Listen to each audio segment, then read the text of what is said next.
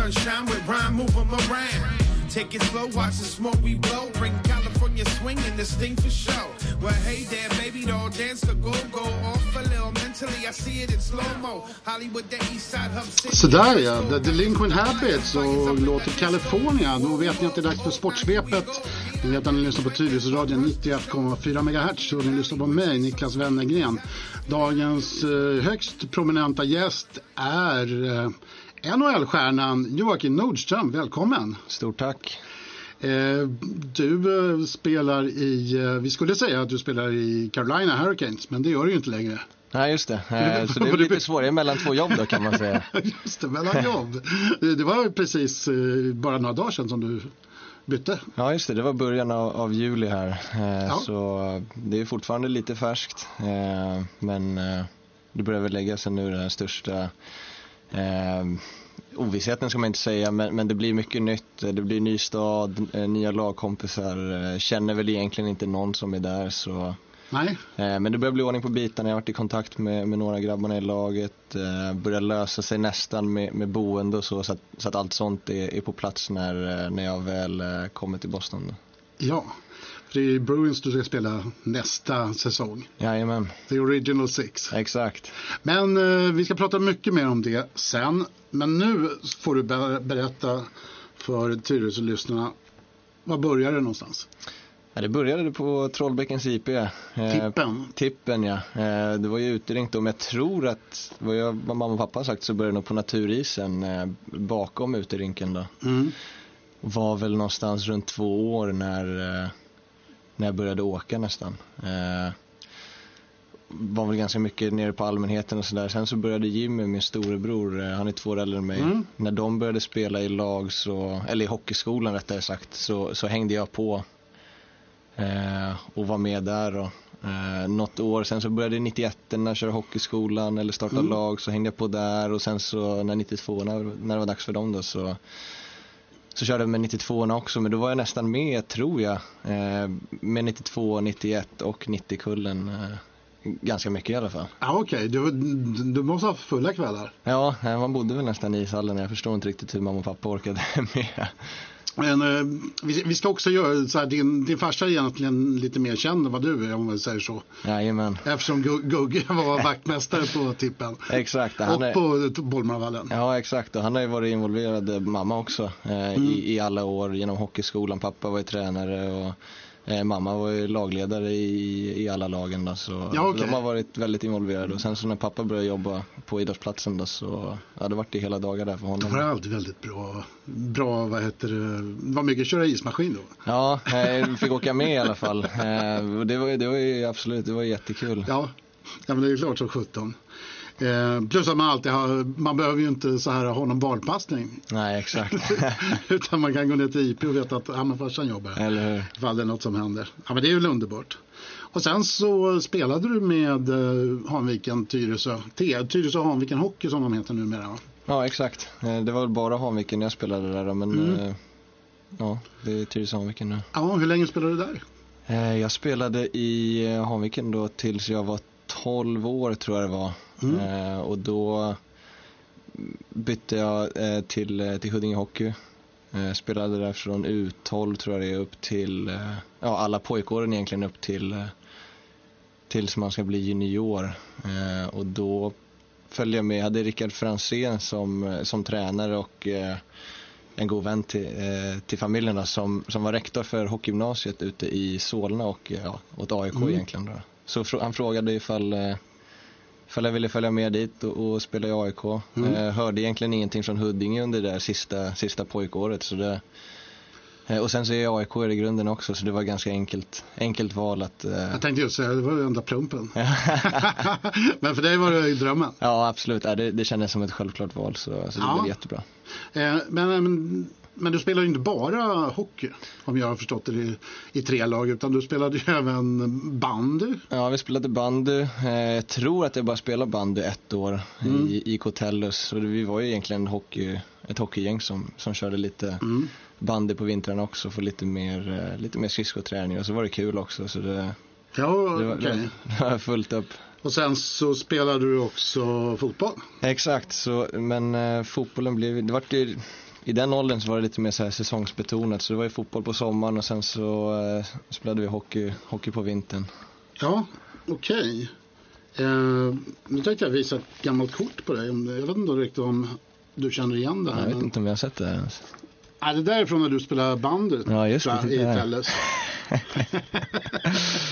och här, här, är, här står Gu- Gugge och delar ut, eh, jag hoppas att det inte är champagne, men jag tror att det är Pommac. Ni har vunnit någonting. Ja, just det. Nej, nej det måste vara Pommac. Ja, eh, nu är det ganska dålig radio att sitta och visa bilder, men, men eh, det där väcker minnen kan jag tänka mig. Ja, ja, verkligen. Ja, det här var riktigt kul att se faktiskt. Ja, vad heter det, att, eh, efter du kom till AIK, vad hände då? Slog Eh, du in direkt och var skyttekung eller? Nej, verkligen inte. Det var väl egentligen eh, lite tung period för mig skulle jag säga där första, första månaderna. Det var ju just då som, som TV-pucken skulle gå av stapeln. Mm. Blev inte uttagen till TV-pucken. Nej, okej. Eh, Det, är ju, det är nästan sådär, är inte det nästan bra? Ja, jag, jag, tror- jag tror för mig var det nog ganska bra. Eh, det var väl lite, det var ju tungt såklart, man ville ju spela TV-pucken. Ja. Eh, I den åldern, man börjar liksom komma upp så att eh, det börjar bli seriöst. Eh, man har lagt ner mycket tid på hockeyn. Eh, men, men då hade jag faktiskt, egentligen så har mamma och pappa sagt i alla år liksom, ah, kommer inte med i TV-pucken så det är inte hela världen liksom. Nej, men alltså, är inte TV-pucken lite som att spela i stadslaget? Det vill säga alla vill spela där men nästan ingen som spelar där blir, blir, några, blir det någonting av om man säger så. Ja, man är ju fortfarande väldigt ung i den Ja. åldern. Så, och det är absolut inte, jag, jag måste vara 15 år tror jag när man skulle spela TV-pucken. Mm. Eh, vem- Man ska inte vara bäst när man är 15 år heller. Nej. Eh, Så jag tycker att det nu så här i efterhand så, så försöker jag prata med, alltså de som ska spela TV-pucken, att lägga inte för mycket vikt på det. Det, det, är liksom, det är inte avgörande för hur din framtid eller hur din karriär kommer se ut. Eh, men såklart, var, man ville ju spela där, det var ju tungt just då men eh, eh, Anders Hultin som jag hade som tränare i, eh, i AIK då, då eh, Mm. hade bra samtal med honom, han var väldigt så här, positiv så vi gnuggade på. Fick vara hemma istället och spela en, eh, en turnering som heter Werner Persson tror jag. Det var Mm. en, en turnering som, som AIK höll i.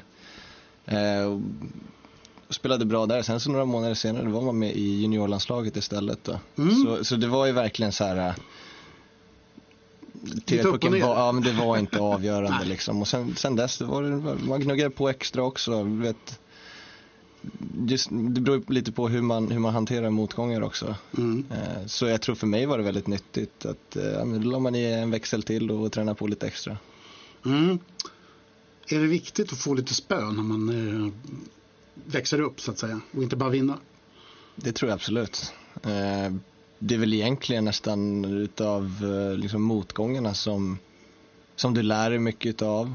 Eh, Du, Mm. du lär känna dig själv och jag, jag tror att det ska inte bara flyta på hela tiden. För det kommer aldrig flyta på under en hel karriär eller ett helt liv utan man måste ha motgångar. Nej, varför jag frågar är för att jag bara för några dagar sedan pratade med en spelare från Sveriges bästa pojklag. Alltså alla kategorier. Hammarbys P84. Alltså, han hade ju spelat mot Barcelona, Real Madrid, Dortmund, rubbet. Alltså han hade ingenting kvar att ge när han var 22. Nej. Kände han. Så här, ingenting var ju lika häftigt då. Det fanns ingenting mer att uppleva. Ja, just det. Eh, Men eh, så det kanske, kanske är bra med lite motgångar med andra ord. Ja, men det tror jag absolut. Jag tror att eh, det skadar absolut inte. Det svider lite för stunden men eh, jag tror i slutändan så är det nyttigt. Ja.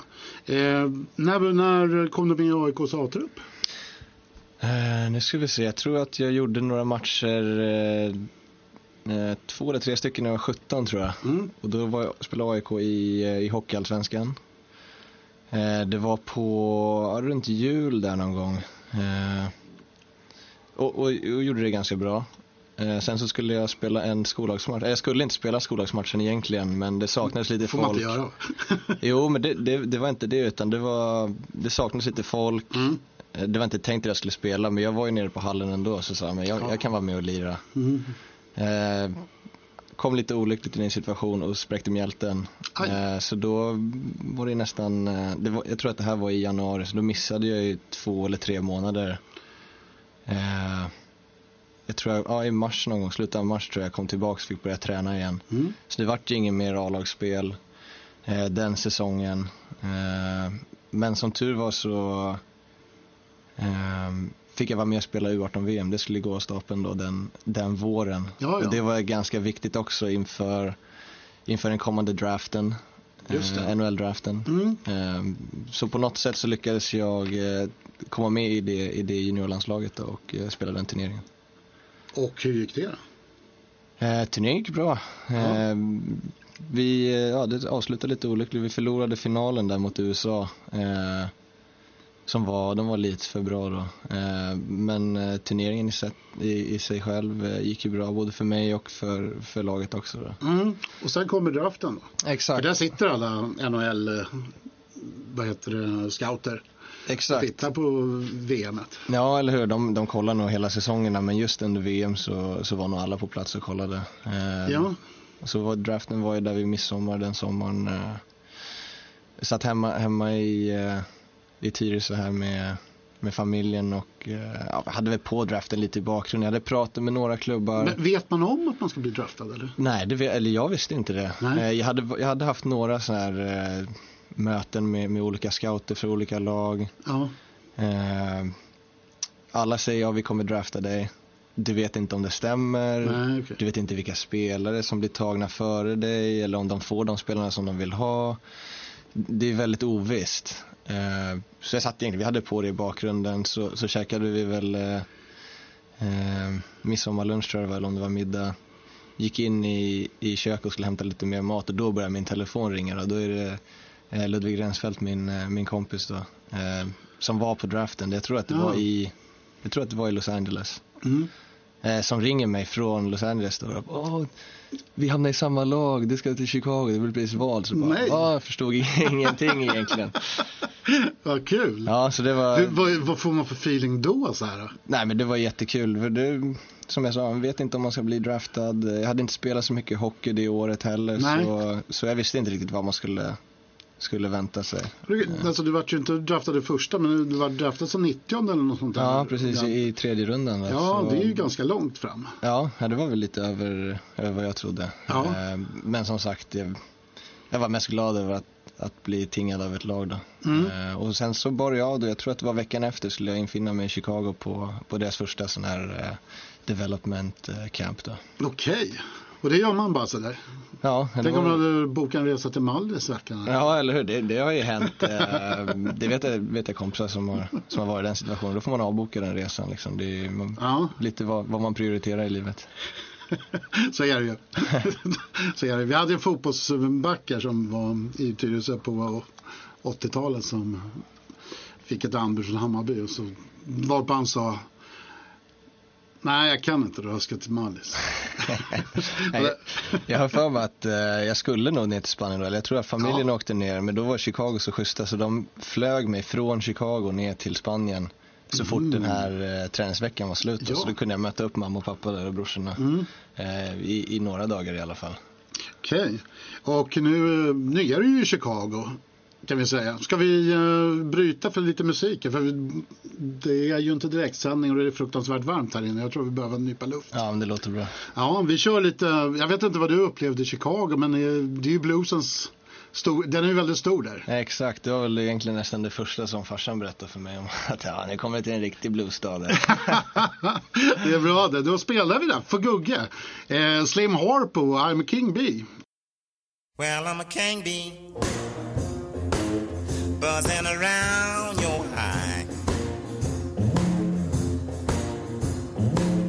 Well, I'm a king bee, buzzing around your eye. Well, I can make honey, baby. Let me come inside. I'm young and able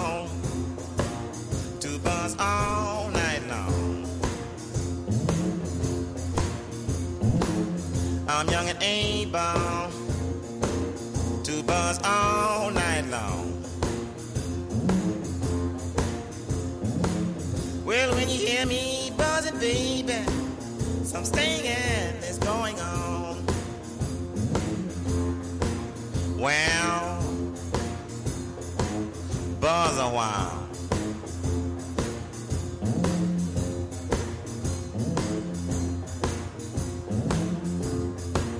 Sting it then.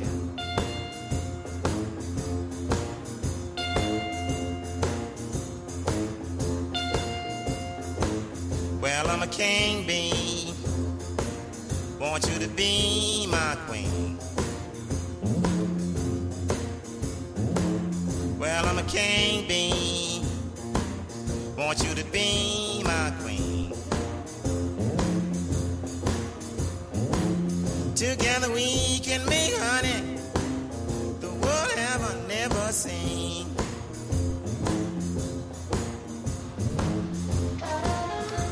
Sådär ja, Slim Harpo och um, King B spelar vi eh, i, i Tyresö radio 91,4 MHz. Programmet Sportsvepet med mig Niklas Wenningen och min gäst Joakim Nordström. Ishockeyproffs i Boston Bruins numera. Men eh, vi spelade den där för att du spelade i Chicago förut. Jajamän. Ja, och vi hade ju kommit till draften. Ja, just det. Eller draften säger man va? Ja, det är exakt. korta A i amer- amerikanska engelska. Jajamän. Draft är ju något annat. Eh, då snackar vi bilar kanske. eh, vad hände sen då efter draften och träningscampen? Eh, och efter campen då så var det tillbaka eh, till AIK. Ja, Då hade den sommaren skrivit ett kontrakt med AIKs A-lag. Ett tvåårskontrakt. Eh, körde hela försäsongen. Eh, AIK hade då också gått upp i eh, elitserien som, som det hette då. mm. Eh, tyckte det gick bra på försäsongen men eh, jag tror jag var nog inte riktigt redo för, för att spela i elitserien eh, än. Så jag blev utlånad till, eh, till Almtuna i Mm. Hockeyallsvenskan. Eh, med, och då var det Bobo Simensen som, eh, ja, som kanske är bekant där. Han, ju- han är ju väldigt bekant. Ja, han var ju... Eh, Han har varit med många gånger i Sportsvepet. Eh, och tog upp, han tog upp Tyresö Sandviken här till division 1 för något år sedan. Just precis. Men han hade jag som tränare året innan i AIKs eh, J20-lag. Ja, Och han blev tränare då i Almtuna säsongen efter. ja. Eh, Och vi kom väldigt bra överens eh, i AIK så han ville gärna att jag skulle komma till Almtuna och spela. Eh, Så då Mm. kom vi överens med AIK om att jag skulle bli utlånad dit i eh, ja, en, runt en tio matcher. Så jag var i Almtuna, jag tror det var 12 matcher. eh, Mm. Men det, är, det blir ju väldigt långt ifrån Tyresö. Det är ju åtminstone en 10 mil. Ja, det var, det var en del pendlande. Jag bodde hos mamma och pappa då här i, Mm. i, i Tyresö.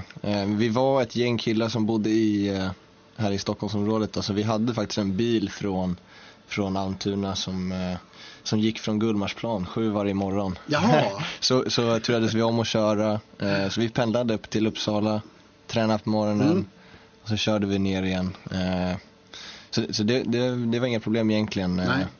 Det gick att sova i bilen, den var ganska rymlig. Eh, så länge man inte körde då så Ja, det är fick, klart. fick man hålla sig eh, eh, fokuserad. Men hur mycket tränar du? säger att ni åkte klockan sju på morgonen. Tränar man hela dagen där i, ett lag som spelar i Allsvenskan? Eh, nej, det var egentligen samma, samma träningstider och samma träningsvanor som, eh, som i elitserien. Mm. Hur, hur mycket tränar- tränar man då?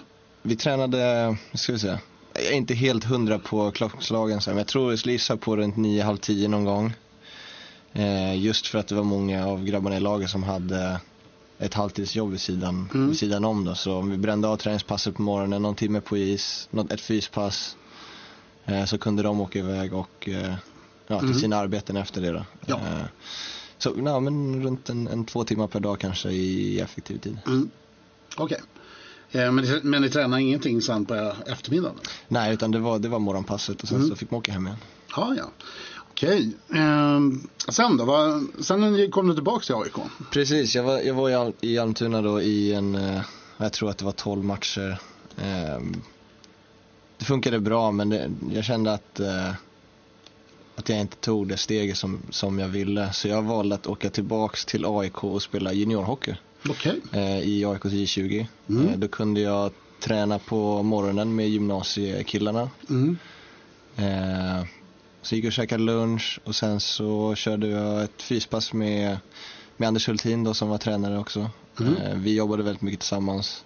Mm. Eh, och sen så var det ju eh, lagträning då på eftermiddagen eftersom alla går i skolan.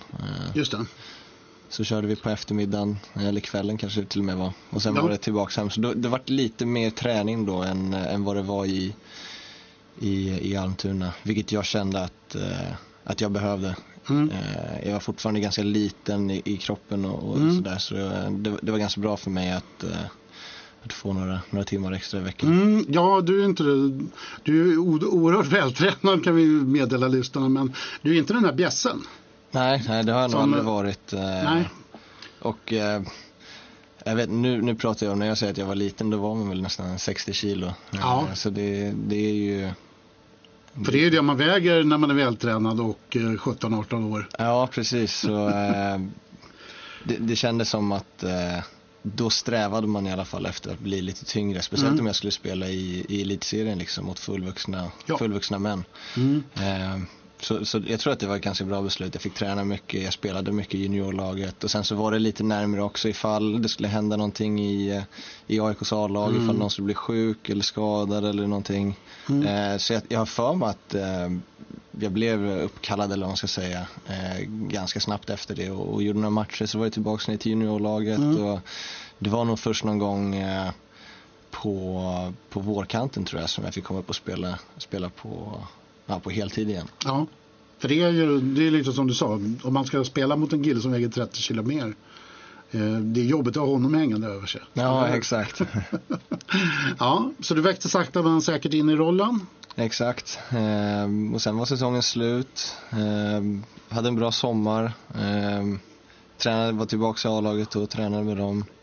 Ehm, undrar, ja, jag är inte riktigt helt säker på... Nej, just det, då, då spelade vi hela det året i, eh, i A-laget och då tror Ja. jag att det var dags för junior-VM också. Just det.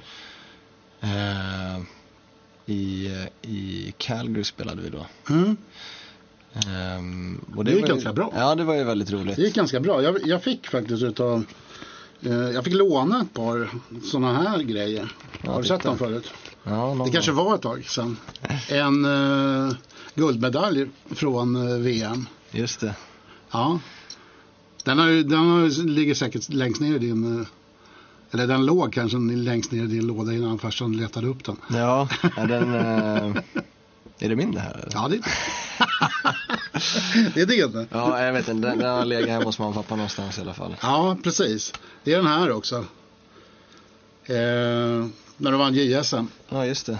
Det var första året i, i AIK det här. Ja, Eh, Så gick vi hela vägen och vann eh, ja, SM-guld där. precis. Eh, det där, du har ju vunnit lite andra grejer efter det. Vi, ska återkomma till det. Så jag förstår ju, men det kanske är kul att se de där prylarna. Ja, absolut. Eh, när, när beslöt du för att åka över till över Atlanten då? Eh, Det var nog... eh, Nu ska vi se, jag tror att det var efter junior-VM. Då var jag fortfarande bara draftad. Så jag, Ja. jag tillhörde Chicago. Men mina rättigheter med dem skulle gå ut eh, i eh, juli tror jag det var. Den sommaren. Okej. Det måste ha varit eh, 2012. Eh, inte helt säker, men jag tror att det var så. Mm. Eh, och då, då valde de att, eh, ja, att skriva kontrakt med mig. Som, som gällde då i, i tre år. Det var ett ja, ganska standard entry level kontrakt som det Mm. heter när man är i den åldern. Eh, men kände också då att det var, det var lite för tidigt för mig att, eh, att åka över till Nordamerika. Eh, jag bodde fortfarande hos mamma och pappa då. Mm. Så det skulle bli väldigt mycket nytt på en gång. Flytta till andra sidan jorden, Mm. bo ensam. Tyckte väl heller inte att jag hade spelat tillräckligt mycket seniorhockey i, i Sverige för att vara redo och, Nej. och spela där borta. Så då, då bestämde vi oss eh, tillsammans med Chicago egentligen att jag skulle vara, vara utlånad till AIK ett år till. Mhm. Och eh, verkligen spela mycket i, i elitserien och, och ja, skynda Ja. långsamt eller vad man ska säga. Ja. Eh, växa in i rollen lite mer. Mm. Eh, Så det vart ett till år i AIK. Eh, Tyvärr missade vi eh, slutspelet det året. Så säs- säsongen var ju slut någon gång i, eh, Det var i slutet av februari, Ja. februari eller början av mars. Eh, och då var ju jag under kontrakt med Chicago så då beslutade vi oss för att jag skulle åka över till Chicago och spela i farmarlaget då de sista, Ja, ja. sista två månaderna någonting. Nu får du berätta. De heter Rockford Ice Hogs. Alltså Exakt. isgrisarna. Jajamän. jag, jag har de en gris på sin tröja. Ja då, är det jajamän. sant? Ja, det är roligt. Vad, vad ligger Rockford i förhållande till Chicago? Eh, det ligger ungefär en och en halv timme eh, norrut med bil. Ja, okej. Eh, så relativt, eller ja, väldigt nära jämfört med hur andra klubbar har sina farmarlag. Ja, exakt. Så det var kanon egentligen. Chicago hade mycket folk som var på varje match. Eh, Mm. De hade sin utvecklingsansvarige Barry Smith som, eh, som var mycket i Rockford och, körde Mm. lite extra skillsträningar och så vidare. Eh, hade man någon dag ledigt kunde man åka ner till Chicago, gå på någon match, liksom känna lite på atmosfären. hur, för det här är ju intressant, liksom, för, säkert för lyssnarna också, att veta hur, hur mycket connection har man när, man när man åker ur laget och blir förflyttad till farmarlag. Man har åkt ner i farmarlaget står det ju oftast i tidningar och sådär. Men så fun- eh, förstår jag också att det inte funkar utan man spelar ju i farmarlaget för att man ska växa in i kostymen så att säga. Ja, exakt. Och, eh, men hur, hur mycket hjälp får man utav eh, sitt lag så att säga när man är där nere? Det verkar som man får ganska mycket hjälp.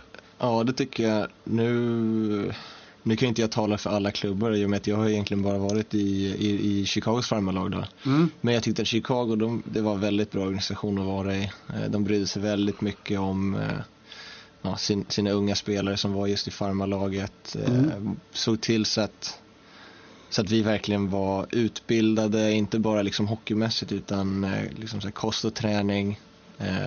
De la väldigt mycket tid och, och energi och eh, pengar faktiskt på att, eh, på att det skulle det skulle bli bra liksom, att, man, att man skulle utvecklas. Och det gjorde du.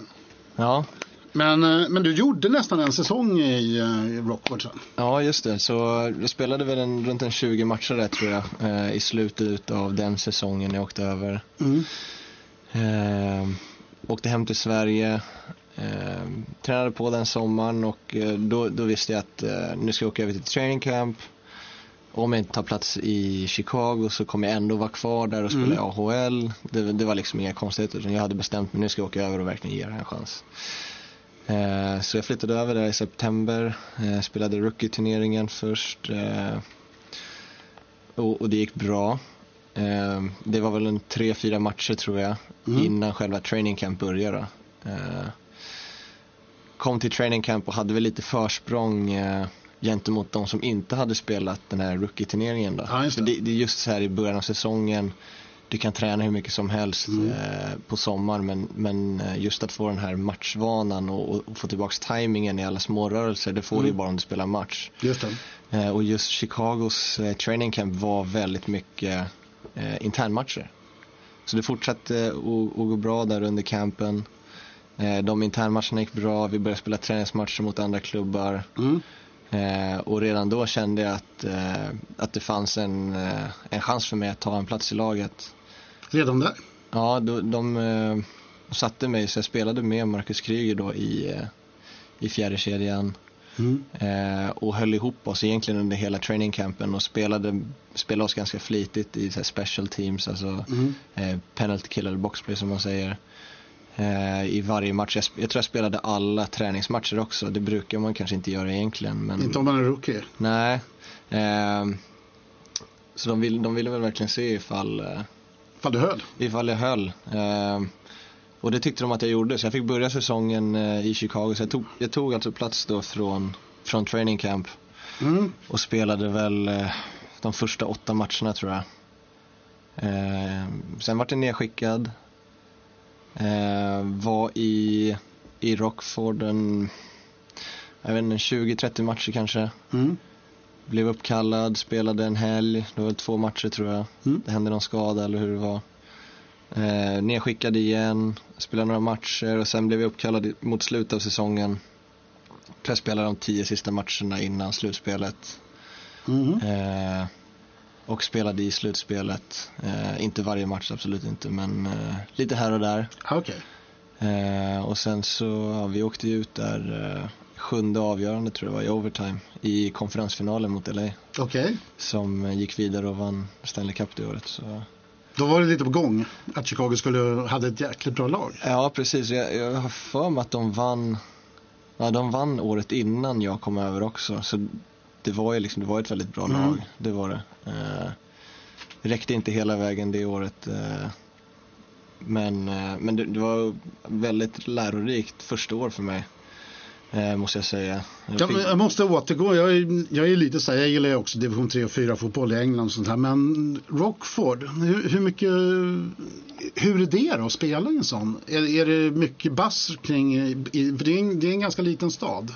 Eller liten och liten, men med amerikanska mått mätt.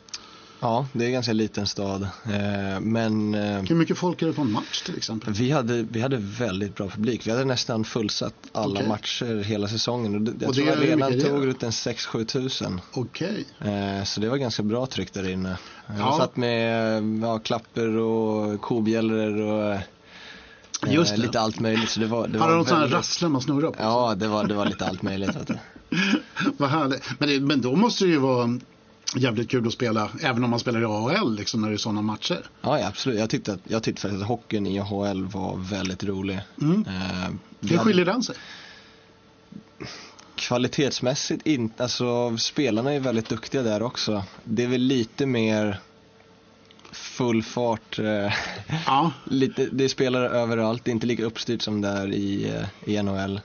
ja okej. Ehm. Lite mer hjärta och lite mindre hjärna, eller ska man säga så? Utan Ja, att vara, vara taskig, om man säger så. Då. Ja, lite så kanske. Eh, Men just också, det jag inte gillade med, med AHL var väl egentligen att alla spelar för sig själva. Ja, det är klart. Eh, inte bara spelarnas fel, ut- utan det, det är utveckling. Det är, Chicago brydde sig inte om Rockford eh, vann matcherna eller inte. Utan Nej. det var så här, ja, rätt spelare ska spela, de ska få spela mycket istid, Mm. de ska spela rätt situationer. Eh, för de ska, de ska utvecklas och, och förberedas för att eh, komma upp till, Ja. till, till Chicago då. Ett AHL-mästerskap är inte så himla intressant menar du? Nej, alltså det, det var väl lite den känslan jag fick. Ja. Ehm, man är väl uppvuxen med att, eh, att man ska vinna liksom och att det är en lagsport så man spelar för sina lagkamrater men det, det var inte riktigt den mentaliteten i AHL. Nej, men det blir väl det. Det är, man, det är inte där, dit man, där man ska spela, det är som att spela lite i B-laget. Ja, ja men det, det är. Även fast det är ju, som du, som du berättar, rolig inramning och allt sånt där. Ja, alltså jag... Jag vet inte, det, det är lite så det blir när alla vill komma någonstans, Mm. man tänker på sig själv. eh, Så jag tror att det, det händer ganska naturligt. Eh, Men som sagt, jag tyckte hockeyn, jag tyckte att det var roligt att spela där. Jag fick spela ganska mycket också Mm. eh, i alla situationer. Så, så, så för mig var det inga problem att vara i AHL egentligen. Jag, jag trivdes faktiskt väldigt bra där. Ja, eh, så bra så att eh, du var tänkt att du skulle vara lagkapten där. Ja, Året exakt. efter? Eh, Året efter eh, Men då, gjorde- men då gjorde du bara två matcher eller något sånt. Ja, det var, någon, det där någonstans, kanske tio till och med, jag Alltså, vet inte. ja. Eh, det, var, det var inte så många i alla fall, men jag blev, jag vet inte, det hände någonting på training camp. Eh, så jag, jag fick inte vara med. Jag eh, hade blod i mitt urin efter en, efter en träningsmatch. Okej. Eh, så då fick jag inte träna på någon vecka. Eh, och då är det väldigt svårt att visa upp sig. Mm. Det är det. Eh, så jag fick börja, börja säsongen i, i AHL-laget då. Eh, vi hade väl spelat kanske en träningsmatch eller hur det var i, i, Mm. i AHL och sen så, jag tror att det var den sista träningsmatchen inför säsongen och då ringde tränaren mig på kvällen och frågade ifall, ifall jag eh, ville vara lagkapten då. Ja, Eh, vilket jag, ja, jag vet, det, det var jättekul att få den förfrågan men jag, det kände jag också så här, ah, vill jag, då kanske det betyder att jag är kvar hela året. jag, jag vill ju också vidare. Eh, men han var ganska tydlig med att eh, ja, ja, så är inte fallet utan eh, vi, ja, vi tyckte det gick bra för, för dig förra året och du, du är en bra kille och Mm. Det, det var egentligen ingen, ingen baktanke på det utan det var det blev som det blev. Jag spelade väl en fem sex matcher efter det tror jag. Sen så var jag uppe i Chicago resten av säsongen. Så, Ja. så det vart inte så många matcher. och då, gick- då gick det ju ganska så bra för Chicago. Ja, det gjorde det. Ja, vi hade ett väldigt bra lag. eh, Och eh, ja, det, det, var, det var roligt. Det var lite upp och ner också. Ja. Även om vi hade bra lag så var det en period under säsongen som vi, vi, vi förlorade några matcher i rad, vi började tappa och vi Mm. hade ett möte liksom och slutspel kommer inte hända av sig själv utan nu måste vi, nu måste vi Ja. växla upp. Men det kändes också, eh, de, flesta, de flesta grabbarna i laget hade ju varit i den här situationen innan, de har spelat många år. Eh, vet, och det är många som har vunnit också, vet vad som krävs för att, för att ta sig till slutspel och för att gå hela vägen. Så det kändes som att efter det, efter det samtalet så, så, så vände vi lite på steken och, och började vinna flera matcher i Mm. rad igen och, och tog, tog ikapp den marken, måste säga, som vi hade tappat i tabellen. Mm. Och sen slutade det? Ja, det slutade med att vi lyckades gå hela vägen eh, till, eh, till Stanley Cup-finalen och eh, lyckades vinna där också. Hur var det? Var det overkligt eller? Ja, det var lite overkligt eh, måste jag säga. Eh, Det är väl någonting som, som, som man har drömt om. Men där, Och ganska sen, få har gjort. Ja, absolut. Eh, Så är det.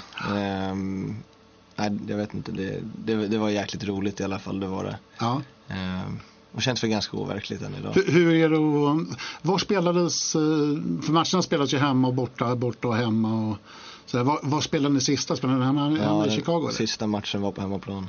Hur, hur, hur var, var stämningen på stan efter det? Ja, det var, det var bra fest där hela veckan. Alltså hela veckan? Ja, det var det hela veckan var det, var det bra drag faktiskt. Så, Ja. nej, det, var, det var roligt, det var det. För det är ju så här, vi, jag, vi nämnde det förut, det, det är ju, Chicago är också Original Six-lag. Eh, där är ju hockeyn jäkligt viktig. Ja, exakt. Nästan Eh, lika viktig som bluesen. Ja, eller hur? Nej, men det, det är absolut, det är speciellt eh, eh, med Original Six. Um, hockeyn eh, hade väl haft det lite tungt kanske en tio år Mm. eh, innan det här då. Eh, men eh, vänt på det igen och ja, under, under mina år i Chicago så var väl hockeyn egentligen största, största sporten i stan. Ja. För de, de har ju, det är... De har ju nästan alla sporter va? Precis, det är ju Chicago Bears, det är amerikanska fotbollslaget. Just det. Och Sen är det det- Reds också. Uh, White Sox White Sox. och Cubs, så det är två baseballlag. Och sen Just så är det ju Chicago Bulls också, basketlaget. Ja, det är ju alla. Ja. Har de inget fotbollslag? Socker, Soccer team finns väl ja, också jag? exakt. va? Eh, Chicago Fire heter de. Just det. Eh, så det är... Hur, hur kom, det är ju, vi brukar ju säga att vi är en jäkla bra idrottskommun. ja. I, men, men där är det ju, hur, hur kom, för, för det kallas ju franchising när de plockar in sådana där grejer. Men hur, hur kommer det sig att så många hamnar just i Chicago? Tror du? Eh, spelare tänker du på då? Nej, jag tänker på lagen. Alltså, Lag. att, de, att de kan ha sådana där, eh, så- sådär många liksom. Ja, jag vet inte, det, det är ju ganska stor stad. Mm. Eh, de är, det känns som att de alltid har varit sportintresserade. Lagen har ju funnits där under, under ganska många år.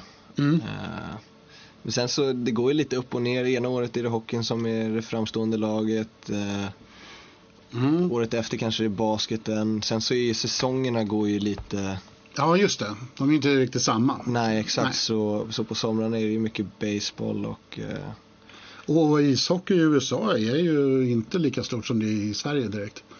I jämförelse med amerikansk fotboll och baseball va? nej just det. och basket. Nej, jag tror hockeyn är nog kanske på en femte, sjätte plats någonstans på, på listan i USA. Eh, om man, om man, eh, ja, om man tänker eh, publikmässigt så tror jag, jag vet Ja. inte om, om det är amerikansk fotboll eller baseball som är störst kanske. Och sen så är det väl Nascar och... Nascar och sånt där, ja just det. Sånt ska man ju inte glömma. Nej, exakt. Men eh, som sagt, jänkarna har aldrig haft någon smak. eh, sen efter, eh, sen kom du hem med bucklan. Jajamän, jag fick, Eh. fick ett dygn med den. Jag tänkte så här, det, det är ingenting man checkar in sådär. Ta vara på den här. Blir det inte jobbigt att åka omkring med den där? Ja, det var, det var ju faktiskt plågsamt den där. Skämt åsido. Nej, det var, det var jättekul faktiskt. Eh, De har ju två stycken vakter som, Ja. som reser med den eh, över hela världen.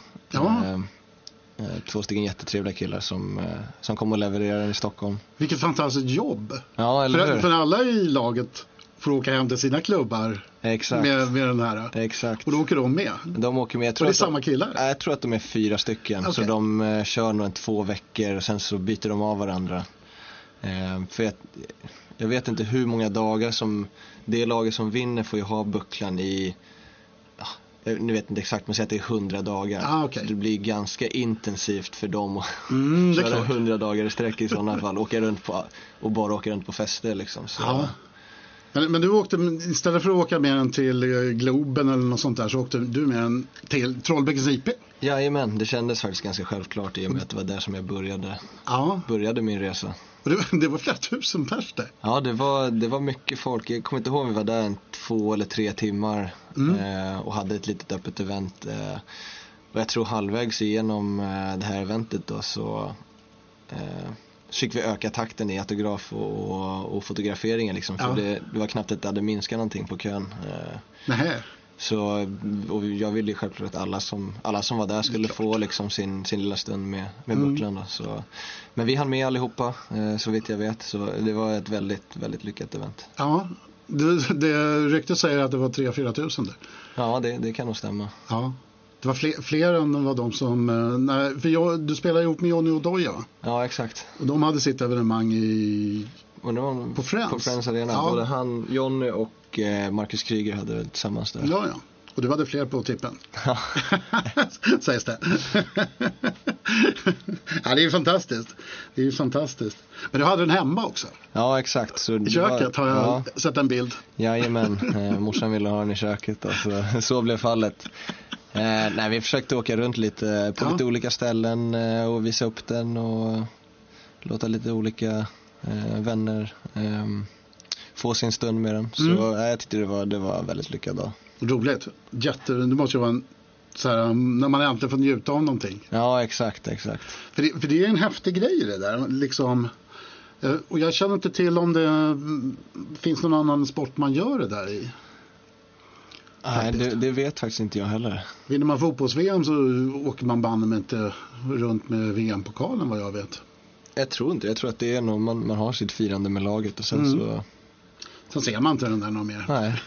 mer än på någon foto i någon tidning tre veckor senare.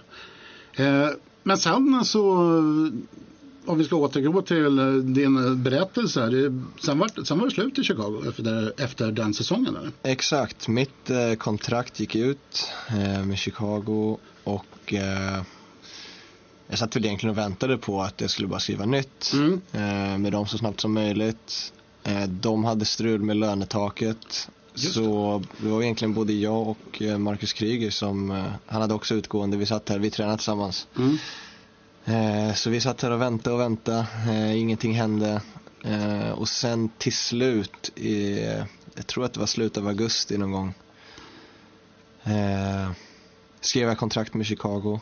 Mm. Det löste sig. Och innan det hade jag haft lite på känn så här, ja det blir ingen kontrakt nu så jag kommer troligtvis bli tradad. Ja.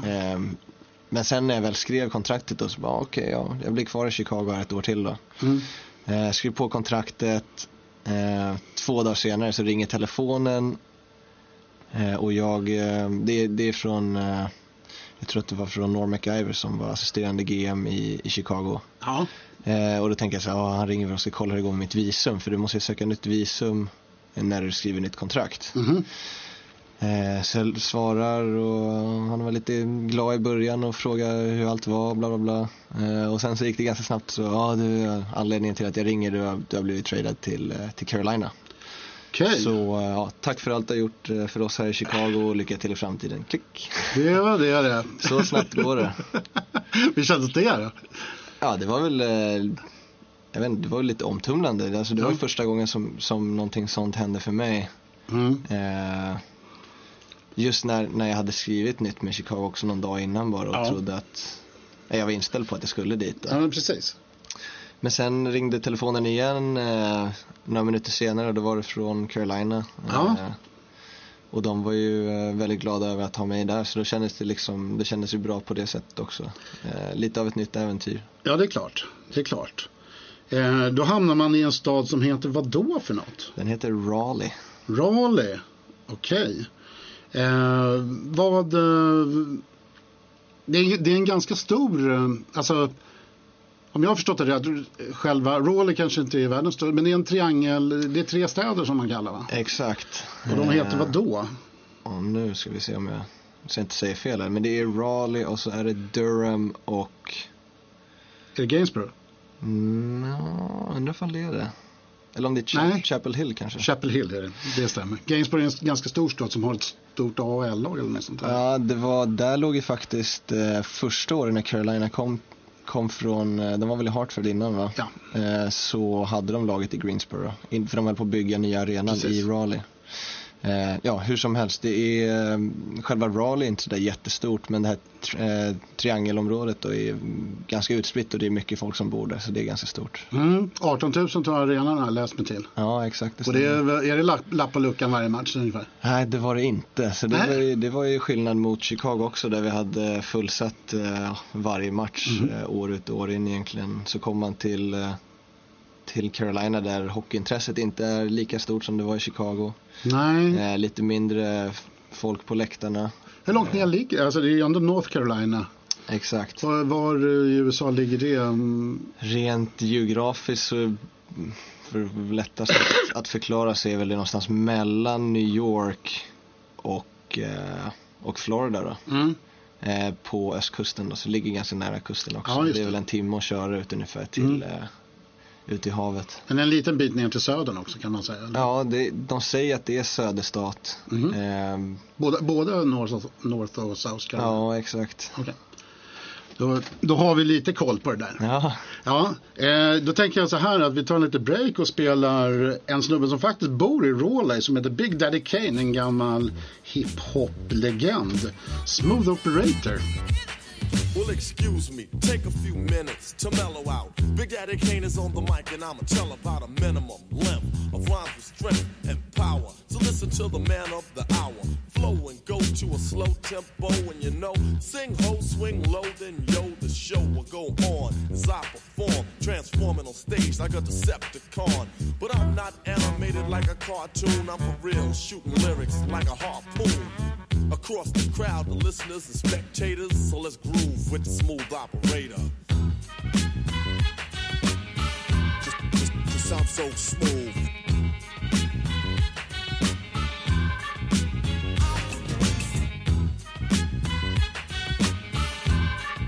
I'm so smooth.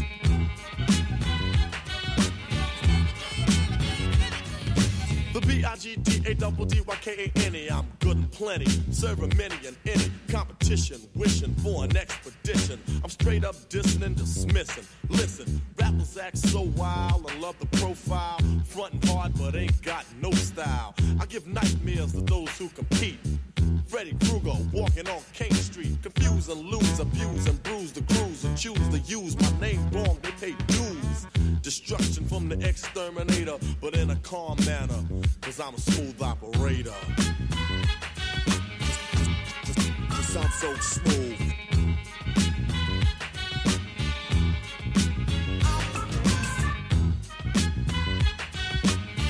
Just, just so smooth.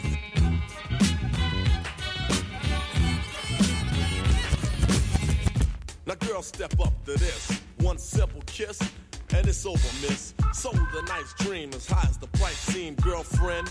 You've been scooped like ice cream. So just swing or fling or gather ring, try to cling. Cause it's a big daddy thing. And I'm loving them right words born, so just play Marvin Gaye. Så där ja, du lyssnar på Tyresöradion och programmet Sportsvepet med mig Niklas Wennergren och min gäst NHL-proffset Joakim Nordström. Du lyssnade, hörde också Big Daddy Kane, Smooth Opera- Operator. Vi var i Raleigh i eh, North Carolina. exakt. Där hamnade du Jajamän. efter att du hade vunnit eh, Stanley Cup. Ja, exakt, det stämmer.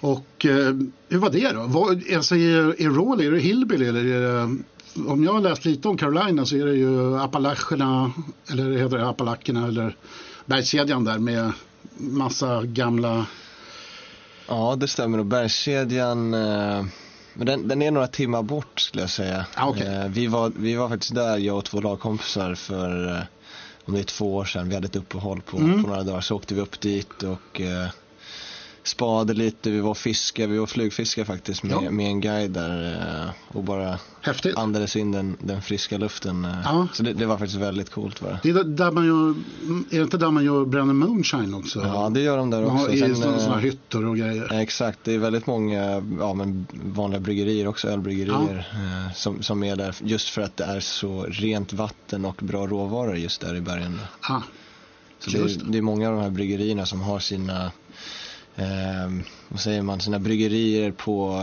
det är, eftersom landet är så stort så brygger Ja. de ett på östkusten och ett på västkusten. Då. Så Just många det. av ölbryggerierna har sina bryggerier eh, just i det området där. Okej, spännande. Eh, hur var det att spela i Carolina då? Ja, det var, det var ju lite annorlunda eh, Ja. Mm. som vi var inne på just så här, eh, ja, men, ho- intressemässigt. Komma från Chicago där, eh, där hockeyn liksom var i sin peak egentligen. Eh, det gick bra för laget och de hade vunnit några, Mm. några titlar de senaste åren. Så kom man till, eh, till Carolina som hade missat slutspel ett, ett par år i rad. Och håller, Ja. höll på egentligen att bygga upp sin fanbase igen. Mm. Men, men jag trivdes väldigt bra i Carolina. Fick väl en lite större roll när jag kom dit mitt första år än vad jag Mm. hade i, i Chicago. Eh, Det kan ju vara en fördel när man byter från ett storlag till eh, ett mindre lag. Ja, exakt. Eh, Och, och så var det, så det, det funkade väldigt bra. Eh, hockeyn rullade på. Eh, trivdes bra med mina lagkompisar. Eh, jag tyckte allt var, allt var tipptopp där förstås. Mm. Var det andra svenskar som spelade med, med dig också eller? Ja, precis. Jag har haft ganska tur här de, de första åren i alla fall och, och spelat med många svenskar så det har varit ganska enkelt. Mm. Eh, Just när jag blev tradad från, från Chicago till, eh, till Carolina så var det nog fyra stycken svenskar där redan. Okej. Eh, Som, som eh, tog väl hand om mig när jag kom med mina flyttlådor. Ja, det är klart. Nej, så det, det funkar bra och jag trivs bra med alla lagkompisar. Vi hade jättebra lagsammanhållning. Ehm, de höll inte bara på att bygga om sin fanbase utan de höll på att bygga, om, bygga upp laget igen med, med ganska unga spelare. Så alla var väl egentligen eh, i, eh, i, ja, ungefär samma ålder. Mm. Eh, så vi hade väldigt mycket gemensamt och fick gå igenom eh, samma resa liksom. Eh, uppleva samma saker just de här första åren i, i ligan tillsammans. Så det var, det var otroligt kul. Mm. Hur, ishockeymässigt, hur gick det? Eh, nej, första året tycker jag att eh, personen gick det bra. Jag hade väl min eh, bästa säsong då. Under de tre första åren. Mm. Så, så det funkade bra, jag fick spela mycket. Vi var med i racet om att gå till slutspel. Mm. Eh, räckte inte hela vägen. Eh, så, så tyvärr så, så vart det sommarlov lite för tidigt. Precis. Hur, hur är det i North Carolina med konkurrens med andra sporter och sådär som vi pratade om tidigare i Chicago där man hade stora lag i alla stora sporter i princip. Ja, det är väl den professionella idrotten eh, just i, eh, i Raleigh är väl inte så jättestor och hockeyn var ju eh, inte stor. Vi, vi var väl kanske det en, ja, jag tror att det var ett fotbollslag också. Eh, Men vi var väl egentligen det enda liksom professionella eh, laget i stan. Annars var ju collegebasketen eh, Mm. är ju otroligt stor där. De har väl tre skolor tror jag det är som är, eh, som är liksom eh, ja, topp fem i, i landet när det kommer till collegebasket. Då. Så- Då ska vi förklara för lyssnarna att både collegebasket och collegefotbollen är, har, drar ju nästan mer publik än vad de professionella gör. Ja, exakt. Det- Vilket ju är nästan helt absurt. Ja, Jag, jag har sett eh, vi- vissa skolor i, eh, just i, som har amerikanska fotbollslag där de nästan drar bortåt 80, 80 000 på en hemmamatch. absolut. Hur, hur eh, har du någon insikt i det där eller det, Eh, nej, jag, jag vet inte. Jag tror att det är lite billigare att gå på, på college-sport än vad det är att gå på professionell idrott. Mm. Eh, sen är det många som man har pratat med som hävdar att eh, de tycker att det är mer hjärta i, i collegesporten. Det är unga idrottsutövare som, som är på väg någonstans. Mm. Som, som vill lite mer, lite hungrigare? Ja, exakt. Mm. Och sen så, ja jämfört då, som, som enligt dem, då, jag hoppas att det här inte stämmer, eh, med eh, ja, men de professionella idrotterna som, som blir lite mätta när de skriver sina kontrakt. Då. Ja. Och när vi pratar om kontrakt här så eh, har du precis avslutat dina tre säsonger var i Carolina. Ja, det stämmer. Och skriver på för Boston Bruins. Exakt. Vad hände där? Eh, nej, men I och med att mitt kontrakt gick ut så blev jag så kallad free agent. Mm. Eh, vilket gör att eh, jag får tillåtelse att eh, prata med de andra klubbarna i ligan. Mm.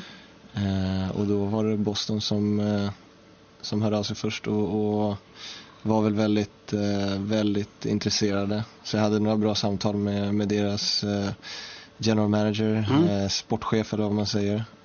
Och tyckte att det lät väldigt intressant. Eh, så det var egentligen inget att snacka om efter vi hade pratats vid några gånger. Nej, precis. Det, då kommer du till en, dels var du i Regional Six Club igen, du kommer till en stor stad med ett hyggligt känt universitet. Ja, exakt.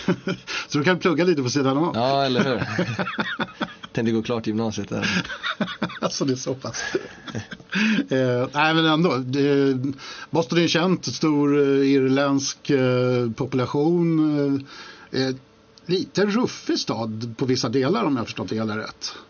Ja, i alla fall om, om de filmerna som jag har sett om man säger så. Då. Good Will Så- Hunting tänker ja, du på? Exakt. ja men Så- exakt. Men eh, lite så är det väl i, i alla storstäder att Mm. det finns lite olika områden. Ja. Eh, men eh, vad jag har hört egentligen så har ja, jag har bara hört, hört bra saker om Boston. Eh, Ja, jag spelar med en kille som heter Noah Hannafin för de tre senaste åren i Carolina och han är därifrån och det är ju bästa stället på jorden enligt honom. Alltså. ja, ja. ja det, det, det låter ju som rena drömmen. Ja, eller hur? Nej, men så det, det, det ska bli väldigt kul faktiskt. Ja, men, det- men är- när, när kontraktet går ut och du blir free agent, blir det inte så här lite skraj, fan, nu kommer jag hamna i elitserien igen. Ja, inte så, men det är en period som är lite oviss. Eh, så är det. I och med att eh, säsongen för, för oss slutade ju eh, i eh, slutet av april någon gång. Mm. Så från och med eh, ja, den matchen egentligen till första juli Ja, så, så går man ju och undrar vad som kommer hända för du får inte prata med några andra lag förrän just det. free agency, ja, spelarfönstret öppnar igen första Mm. juli. Just det. Och ja, det går ju lite upp och ner liksom eh, i, i tankarna just när man, inte, när man inte får prata, man vet inte vad som kommer hända. Just det. Och, eh, visst, det var vissa dagar som man ehm, man, eh, man tänkte så här, ja, jag kanske får åka tillbaka till Europa eh, nästa år då. Eh, Och sen vissa dagar som, nej, nej jag kommer, vara, jag kommer spela i NHL i tio år till liksom. Så, så det går väldigt mycket, väldigt mycket upp och ner. Så, Ja. eh, det var faktiskt väldigt skönt att, eh, Ja, att det det jag, löste sig så det jag snabbt. tänker, det, du låter hela tiden så ödmjuk så här att en, eh, nu kanske du inte ska hamna i elitserien men kanske KHL som kanske inte är lika glamorös serie även om det är en jäkligt bra liga. Mm. Eh, hur, hur eh, sk- skulle liksom den, eh, den, den grejen kännas eh, okej också att hamna i KHL? Ja, det skulle det nog göra. Det, det är väldigt svårt eftersom att jag har egentligen ingen erfarenhet därifrån. Nej. Eh, så jag vet inte riktigt vad man har att förvänta sig. Eh, gentemot att jag vill försöka spela, hålla mig kvar i NHL så, så länge Mm. det går. För jag trivs väldigt bra i USA. Eh, jag gillar liksom livsstilen. Eh, just det här med, med bortaresor och, och när man är hemma också. Så det, det är väldigt mycket som, eh, som jag tycker är väldigt bra där borta. Nu måste du innan du ska få gå och träna här, nu måste du berätta lite om bortaresorna. Alltså man, man spelar ett antal hemmamatcher där man är hemma och sen så åker man lite som, på, som ett rockband på turné. Ja, exakt. Eh, det, det är lite olika beroende på hur långt bort man ska. Mm. Eh, sen vi åker egentligen ut till västkusten, eller till Kalifornien en gång varje år. Och Ah, okej. spelar mot eh, LA, Anaheim och eh, så är San Jose ligger där också. Just det. Så då brukar vi bränna av de tre matcherna och sen så brukar vi åka upp till, eh, till Kanada och möta eh, Vancouver. Winnipeg ligger ju eh, åt det hållet också. Eh, Mm, just det i. Edmonton, Calgary och sen så, alltså man kanske är borta två veckor och spelar en, Ja, ja, runt en 6, 7, 8 matcher. Kommer man hem igen och då kanske man får vara hemma några, någon vecka eller sådär. Mm. Eh, men sen det händer också att man eh, åker ner till New York och, och spelar en match och så kommer det hem igen. ja just det. Eh, då är det ungefär ja, en timme flyg egentligen. Eh, Mm. Mm, Så de här korta resorna, då, då blir det ofta så att man åker dagen innan Eh, käkar middag, eh, ja, sover på hotellet och sen så går du upp och tränar på morgonen. Åker tillbaka till hotellet, tar en tupplur och sen så spelar man match på kvällen och sen flyger man vidare direkt efter matchen då, beroende, beroende på vart man ska någonstans. Men är det slitigt de här två veckors uh, vänderna? Som man kör? ja, eh, För då är det ganska intensivt matchande också. det är det, men sen så är det olika tidszoner också. Det är väl egentligen kanske det som, eh, som, eh, som man känner av mest. Ja, det vänder, du, ska, du har en tidszon som är liksom tre timmar bort just precis. och ska spela där om två dagar eller en dag. Så oftast när det är de här långa resorna så reser man kanske två dagar innan för Mm. att få, få, ja, få lite extra tid på sig att, eh, att vänja sig vid tiden. Har, har du lätt för att bli jetlaggad? Eh, ja, jag vet inte. Om man bara är borta så här någon, eh, några dagar så är det egentligen ingen fara. Eh, det tar ju lite tid för kroppen att vänja sig. Eh, men, men visst så, så kan jag känna av det. Jag tror att det, det är oftast värre när man, när man åker österut och eh, du ska sova på kvällen. Ja, det är ju det de säger. har du- så är du van vid att gå och lägga dig liksom kanske tre timmar senare egentligen, du har det i kroppen. Mm. Så, så det kan väl vara lite svårt. Eh, men just eh, att åka västerut och, och spela lite senare på kvällen är egentligen inget problem. Du får sova lite mer på dagen bara. Okej. Ehm, måste jag ju också fråga, vilket lag är det lag som du hatar mest att möta? Ja, Nej, men alltså, all- alla har nu, nu har ju du spelat lite olika så här, men vi- vi- vilket är laget som, som man verkligen fan hatar att komma hit? Eh, ja, jag vet inte. Och just alltså, att komma någonstans. Jag inte, alla trivs väldigt bra i, vi bor ju alltid väldigt bra också i alla städer. Men just, jag vet inte, Philadelphia mötte vi väldigt mycket med Carolina och vi hade ofta ganska, ganska svårt mot dem. Mm. Det kunde vara lite stökiga matcher. Eh, så, så det kan väl vara ett, ett lag egentligen, men eh, jag vet inte, inte, inte något lag som man verkligen hatar att möta, men Nej, det var ofta, det var lite speciellt, det var lite rivalitet där Mm. skulle jag säga. ja just det, precis.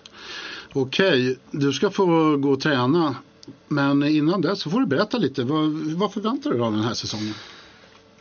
Eh, nej, jag förväntar mig väl egentligen... Eh, Vad är planen? Nej, planen är att eh, spela, spela så länge som möjligt eh, in, in på vår och sommarkanten. Mm. Jag vet att eh, Boston har ett väldigt bra lag. Eh, de, de vill eh, inte bara gå till slutspel utan de vill vara med och utmana. Mm. Eh, Vad är det för status på Boston idag? Alltså, har de gått långt? Ja, jag tror förra året tror jag att de, nu kanske jag har fel, men jag tror att de kom tvåa i östra konferensen. Mhm. Åkte ut i andra rundan av slutspelet mot, eh, mot Tampa tror jag det var. Eh, som också var väldigt bra. Då. Så det är ju det är svårt att gå långt men Mm. eh, jag tror absolut att, eh, att det finns möjlighet att, eh, att göra något riktigt bra av det. Upplägget för en NHL-säsong. Det är 80 serier, matcher i grundserien va? Ja, 82. 82 matcher i grundserien och sen är det slutspel. Jajamän. Eh, bäst av sju. I hur många omgångar är det? Det är nog fyra stycken omgångar va? Ja. Eh, men ändå så är det ganska viktigt att vinna de här konferenserna. Ja, Eller? ex- jo, exakt. Eh, Det är ju lite invecklat med konferenser och så är det divisioner i konferenserna. Just det. Eh, Men just beroende på vilka man ska få möta då, så, så är det viktigt att placera sig bra. Sen som med hemma, eh, hemmafördel och, och sådär. Just precis. Eh, Vinner man pengar om man vinner en konferens också? Eller vinner klubben pengar? Ja, alltså det, det är ju alltså, jag tror att eh, för varje steg det går Mm, så, så finns det ju bonusar. Just det. Så är det. Okej. Men det är, inga, det är inga lag som eh, tänker så här att Det är inga lag som tänker så här att eh, nej men vi, eh, vi softar de första 20 omgångarna så har vi dem med oss på hösten sen. Nej, det, det går inte riktigt att tänka så.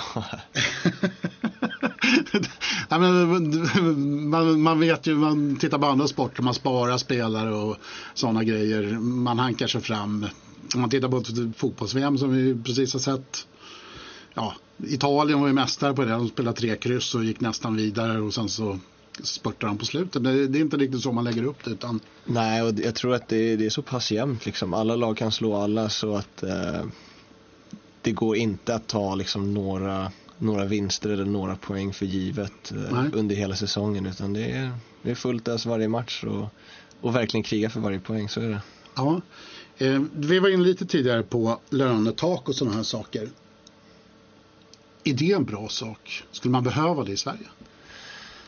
Om man tänker på, alltså många satsar, det går åt helvete då får man börja om i division 3 nästan för att ekonomin har gått åt skogen. Ja, jag vet inte. Det, är, det känns ju som att sen de började med lönetak i NHL så har ligan blivit jämnare. Mm. Eh, det är inte så att det rikaste laget har de bästa spelarna utan eh, det är lite mer av ett pussel att få ihop det och, och, eh, och drafta bra. Därför draften är otroligt viktig eh, för lagen nu.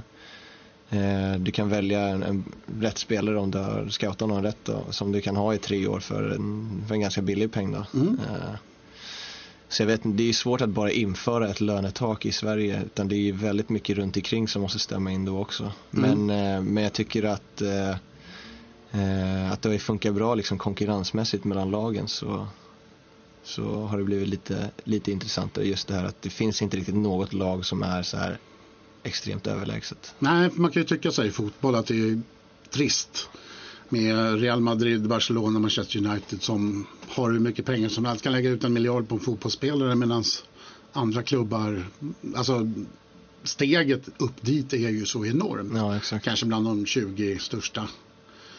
Och eh, på något sätt så blir de andra lite satta på undantag. Mm. Ja, exakt. Ja, men det är väl lite det jag menar att eh, just för det sportsliga så, så har väl det funkat bra. Eh, det är omöjligt att se, och, och innan säsongen egentligen att säga vilket lag som kommer vinna. Mm.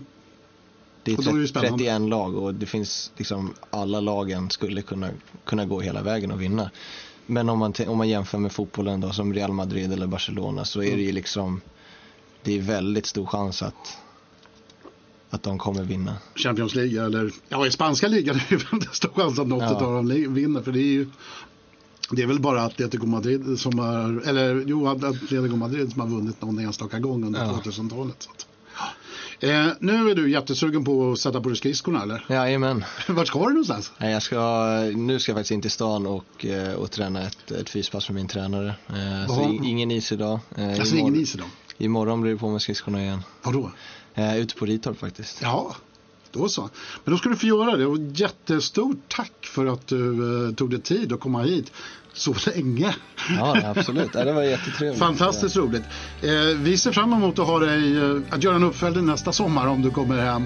Absolut. Så kan vi snacka lite om vad som hände i Boston. Ja. Och om du kommer in på Harvard. Ja, just.